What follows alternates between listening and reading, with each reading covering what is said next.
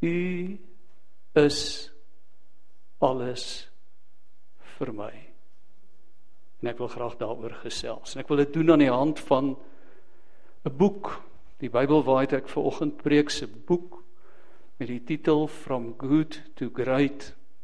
En ehm um, dis 'n boek wat al 18 jaar terug verskyn het.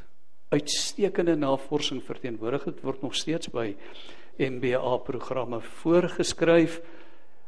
En as jy 'n besigheidsmens is en belangstel om 'n gemiddelde besigheid te verander in 'n bo-gemiddelde besigheid, is dit dalk 'n boek om te oorweeg. Maar nou daarom om omdat ons in die kerk is, gaan ons 'n teksie ook lees. Bly saam met my na Matteus 6. Ek wil eintlik klem lê op vers 33, maar onthou Ek hoef dit seker nie te herhaal nie. Dis 'n belangrike beginsel dat dat wanneer ons Bybel lees, ons nie 'n teks op sy eie lees nie, maar altyd binne die groter konteks, nê. Nee. Kyk vir die perikoop, dit word gewoonlik aangedui deur 'n opskrif en dan weet jy dit pas in daardie gedeelte in want as jy dit lees sonder die konteks, dan maak 'n mens dikwels verkeerde afleidings. Matteus 5 vers 25 Daarom sê ek vir julle en dis nou Jesus wat natuurlik aan die woord is in die bergrede. Moet julle nie bekommer oor julle lewe oor wat julle moet eet of drink nie of oor julle liggaam oor wat julle moet aantrek nie. O, ons staan daar voor die kas dan sê ons ek het niks om vanmôre aan te trek nie. Is die lewe nie belangriker as kos en die liggaam as klere nie. Vers 26 kyk na die wilde voëls, hulle saai nie en hulle oes nie. Hulle maak nie skure bymekaar nie. Die hele hemelse Vader sorg vir hulle. Is julle nie baie meer werd as hulle nie? Trouwens, wie van julle kan deur hom te bekommer sy lewe met een enkele uur verleng. Maar wat bekommer julle julle oor klere? Let op hoe groei die veldlelies. Hulle spoeg nie. Hulle maak nie klere nie. Maar ek sê vir julle selfs Salomo in al sy pragt was hy geklee soos een van hulle nie. As God dan die gras van die veld wat vandag nog daar is en môre verbrand word, so versier. Hoeveel te meer sal hy dan nie vir julle sorg nie? Julle klein gelowiges. Julle moet julle dis nie bekommer en vra wat moet ons eet of wat moet ons drink of wat moet ons aantrek nie. Dis alles dinge waaroor die ongelowiges begaan is. En dan hierdie woorde: Julle hemelse Vader weet tog dat julle dit alles nodig het. Nee. Beywer julle allereers vir die koninkryk van God en vir die wil van God. Dan sal hy julle ook al hierdie dinge gee. Moet julle dus nie oor môre bekommer nie. Want môre bring sy eie bekommernis. Elke dag bring genoeg moeilikheid van sy eie. Waarop ek graag amen wil sê. Ek lees uit die Bybel direkte vertaling wat volgende jaar as die 2020 vertaling gaan uitkom. Hierdie was maar nog net die proefvertaling. Soek dis nou vers 2:33 soek bo alles na God se koninkryk en sy geregtigheid. En al hierdie dinge, die dinge wat jy nodig het, sal vir julle bygevoeg word. Ek het nou eintlik dit daar op die bord, maar nou is ek nie slim genoeg om dit te onthou nie. Soek bo alles na God se koninkryk en sy geregtigheid En al hierdie dinge sal vir julle bygevoeg word. En julle dis nie bekommer oor môre nie, Want môre sal hom oor homself bekommer. Elke dag het genoeg van sy eie kwaad. Tot sover die woord van die Here. Die boek van Jim Collins From Good to Great sê daar's mense wat 'n gemiddelde lewe lei. Net so is daar leiers wat gemiddeld is. Hulle doen goed. Jy kan hulle in diens neem. Maar dan is daar ander mense wat 'n bo-gemiddelde lewe lei. Hulle word bo-gemiddelde leiers. En as jy hulle in diens neem, dan vat hulle jou maatskappy na hoogtes waaroor jy nie kan droom nie. Sy navorsing toon gemiddelde en bo-gemiddelde mense verskil nie van mekaar in terme van waar hulle groot geword het. Hoe arm of hoe ryk hulle ouers was nie. Maak nie saak of jou pa 'n werklose mens en 'n alkolikus was of 'n fabriekswerker of 'n onderwyser of 'n rekenmeester of 'n professionele persoon soos 'n mediese dokter nê. Wel as jou pa nou 'n politikus was, het jy so 'n bietjie van van 'n nadeel. Ek glo nie jy gaan iewers in die lewe kom nie. Maar maak nie saak wat jou omstandighede is, maak nie een saak of jy standaard 6 of standaard 8 het of 'n nagraadse kwalifikasie vir doktorsgraad nie. Bogemiddelde en gemiddelde mense lyk op die oppervlak presies dieselfde. Die verskil lê in die keuse wat 'n individu maak, gaan ek wees soos al die ander of gaan ek my beywer om bo gemiddeld te word. En dan sê hy leiers. Hy praat van hulle as vlak 5 leiers. Mense wat uitstyg word volgens sy navorsing gekenmerk deur twee kenmerke. In die eerste plek, weet jy party van die goed werk. Daar's hy. In die eerste plek, hulle is nederige mense. Hulle is gereserveerd as hulle oor hulle self praat. Hulle is nie vol van hulle self nie. Die woordjie nederig, 'n interessante agtergrond. Dit beteken om te besef ek kan nie, ek het ander nodig. In die Bybel word dit gebruik die woordjie nederig word gebruik om te beduie dat mense weet hoe nodig hulle God het. Vlak 5 leiers is mense wat sê ek kan maar nie sonder ander nie. In die tweede plek sê hy dis mense met 'n professionele wil. Hulle is gedrewe om sekere doelwitte wat hulle vir hulle self gestel het te bereik al kos dit. Hulle glo in wat hulle doen. Hulle lewe vir wat hulle doen. Aan die een kant beskeie en teruggetrokke maar aan die ander kant eie sinnig en fanaties gedrewe Hulle is gekenmerk deurdat hulle eie ego behoeftes verruil word, opgeoffer word om 'n maatskappy se belange te dien. Dit gaan nie in my werk om my en my prestasie nie, maar dit gaan om hierdie maatskappy te laat slaag. Hierdie maatskappy die beste te word wat jy kan dink. Daarmee saam hulle geloof wat wat nie vir 'n oomblik twyfel dat hulle kan bereik wat hulle beplan het terwyl hulle terselfdertyd die dissipline het om met die brute feite van die werklikheid rekening te hou. Hulle ontken dit nie.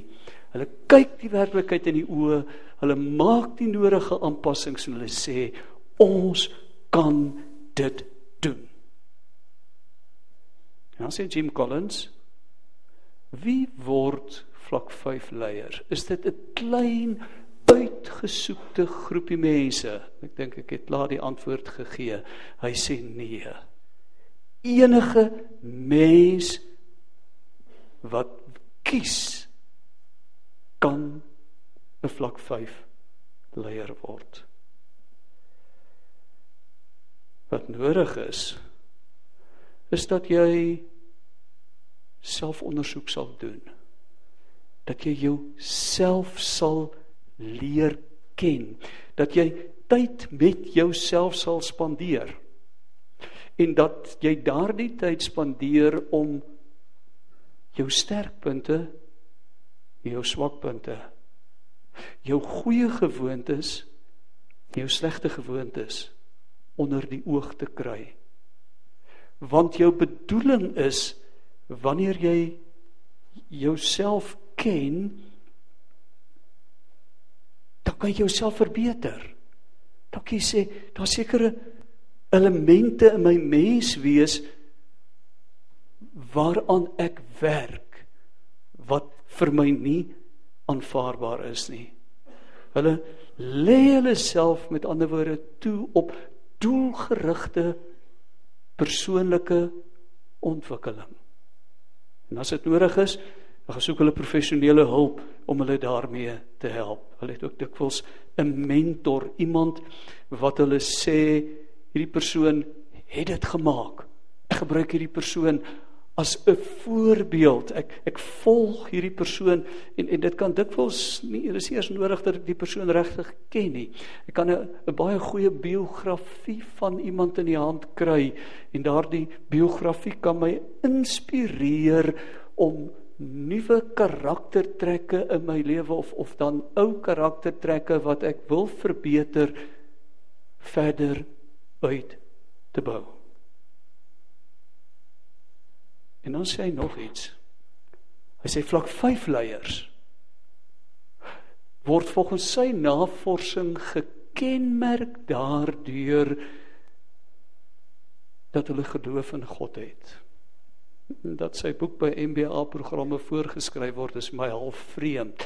Omdat hy hierdie element ook in sy navorsing noem ek kan dink dit is nie baie gewild by al die professore nie.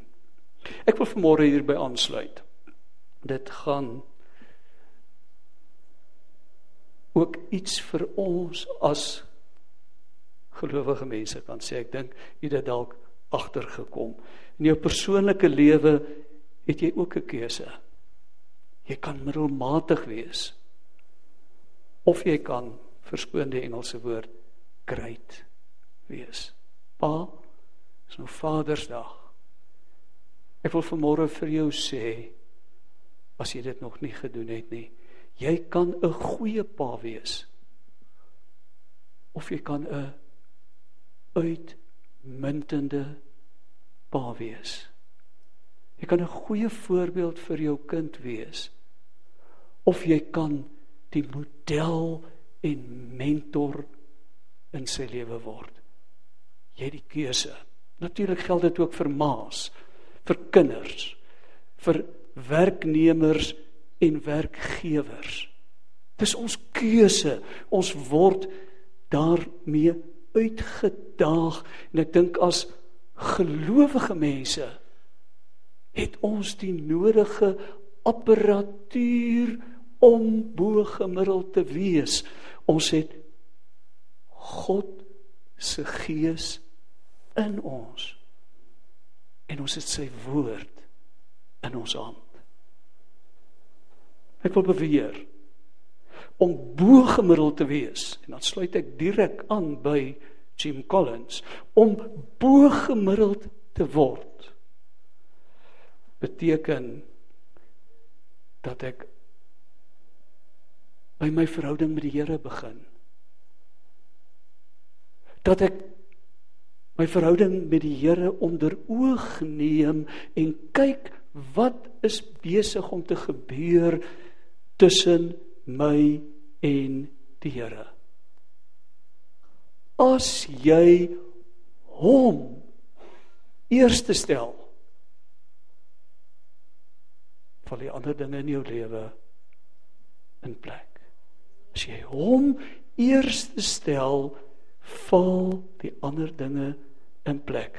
Soek bo alles God se koninkryk en sy geregtigheid. En hou dan op bekommer wees oor al die ander dinge. Plaas jou hart op wat saak maak en vertrou die Here. Hy doen en hy gee wat jy nodig het. Dalk is jy vanmôre op die verkeerde plek in jou lewe. Dalk sit jy op moed verloorse vlakte as gevolg daarvan. Dalk sê jy ek het 'n klomp foute gemaak. Vandag sit ek hier as as iemand met 'n klomp skuldgevoelens teenoor my kinders. Teenoor 'n lewensmaat. Dalk het ek, skus vir die woord, 'n gemors van my werkslewe gemaak. Is dit nie dalk omdat jy by die verkeerde plek begin het nie? Is dit nie dalk omdat jy by die verkeerde plek begin het nie? Ek stel voor dat 'n mens opstaan in die oggend en bid, Here, U is alles vir my. Ek lewe vir U. Here, ek het 'n baie sterk ego wat vereis dat my behoeftes en my begeertes en my gerief gedien word. Ek kies om vir iets meer. Iets groter te leef. Vir wat vir u belangrik is. Ek kies om te leef wat vir u belangrik is. Help my vandag om bewus van u te leef, om bewus te wees ek leef in u wêreld. Wees nie net in my deur u soete Heilige Gees nie. Ek is in u waar ek gaan leef u en is ek in u wêreld sodat ek elke keer sal vra Wat wil u? Wat is vir u belangrik? Here, solank ek vir myself leef, miskien is dit nou nie van u waar nie, maar dis baie verseker van my waar. Solank ek vir myself leef, lê daar 'n spoor van vernietiging agter my want die wese van sonde is dit verwoes. Dit verwoes die mens dit verwoes die mense verhouding met ander mense. 'n spoor van vernietiging agter my omdat mense en omstandighede nie wil wees wat ek wil hê hulle moet wees omdat hulle nie my gerief en my belange wil dien nie. Daarom baklei ek en stoei ek en manipuleer ek Ek kies om vir iets meer te leef. Ek kies Here om my frustrasie en geïrriteerdheid en en haatigheid en en bitterheid en woede omdat dinge nie wil loop soos ek wil hê dit moet loop, omdat mense nie wil doen soos ek verwag hulle moet doen nie, met agter my te sit en te sê Ek kies vir U. Ek beywer die woorde van Matteus 6 vers 33. Ek beywer my vir U. vir U koninkryk, vir U geregtigheid. Ek lewe vir iets meer en beter as ek in my eie belange. Ek wil die stelling maak die verskil tussen 'n gemiddelde Christen wat die Here dien wat op pad hemel toe is met blydskap en vreugde in die kerk sing en 'n bo-gemiddelde Christen lê daar. Ek lewe vir iets meer en beter. Ek wy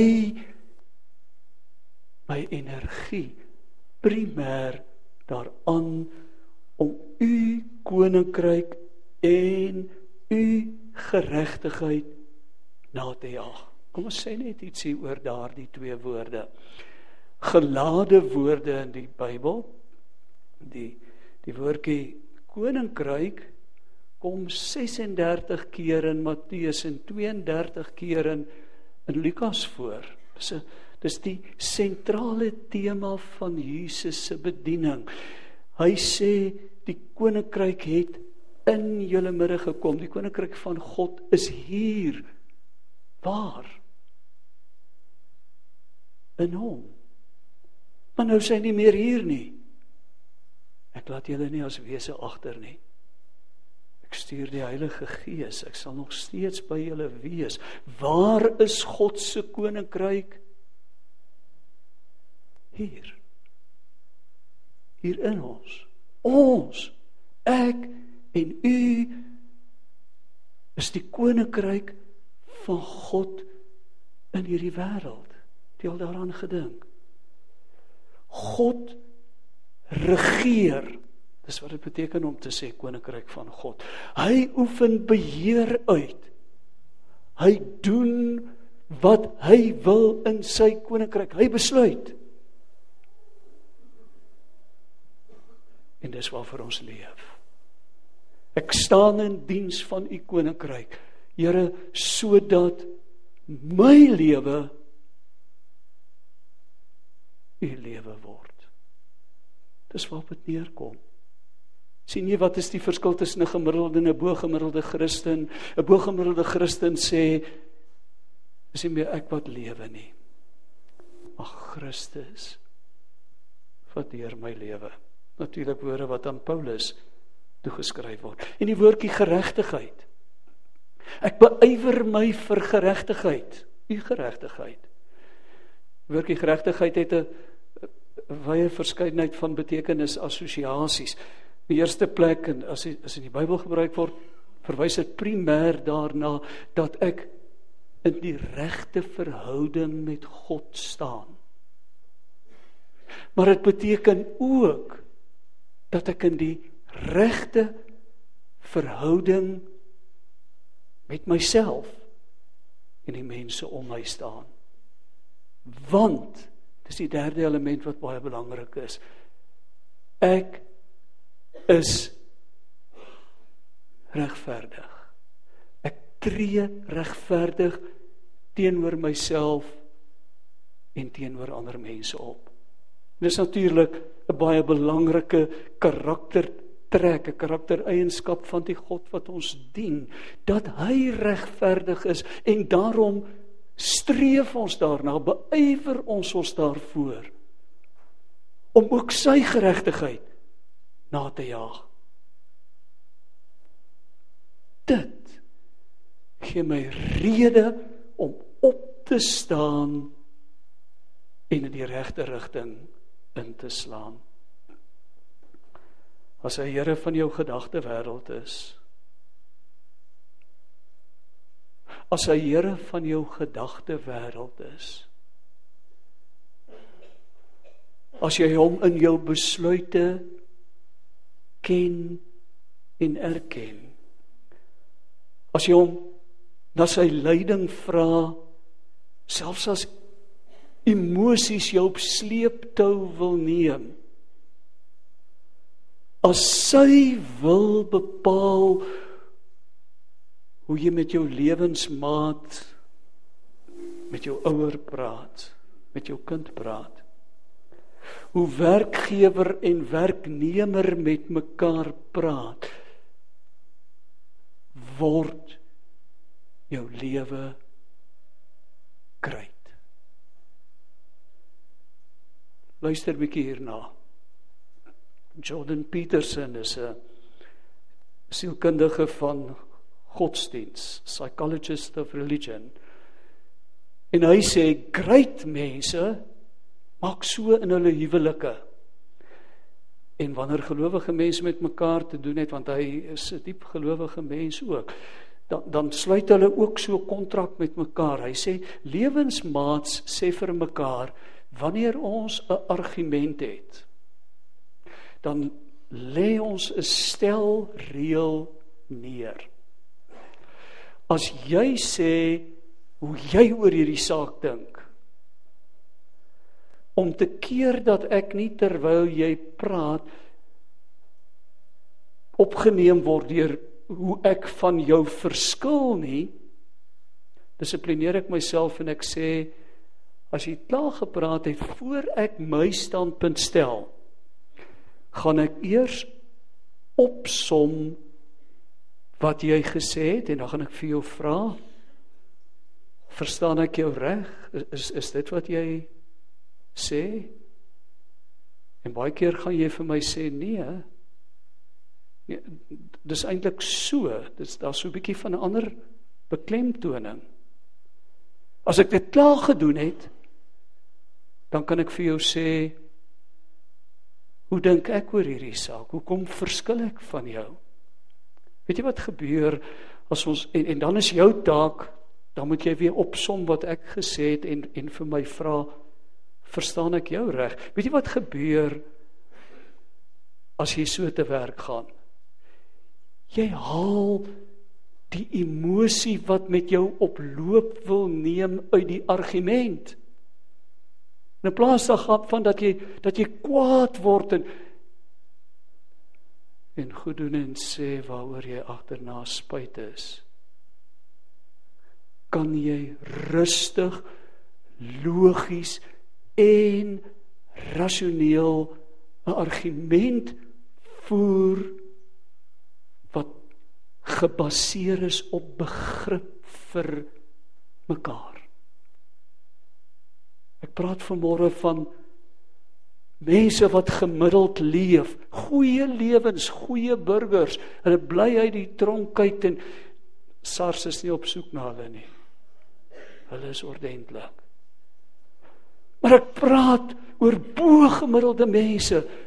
Mense wat uitstyg in hulle self, in 'n verhouding met die Here, in hulle persoonlike verhouding met hulle huismense, in hulle verhouding met kollegas en en en met as hulle werkgewer is met werknemers. Bo-gemiddelde mense. En dit begin alles daar waar jy onder nuwe bestuur kom. Dit verwys natuurlik van die getroude dag. Die dag as jy trou, dan doen jy dit as jy 'n man is. Jy gee jou salaris vir jou vrou terwyl jy op jou knieë staan. En jy sê ag mag die Here ons help om nie bankrot te word nie. Ander new management.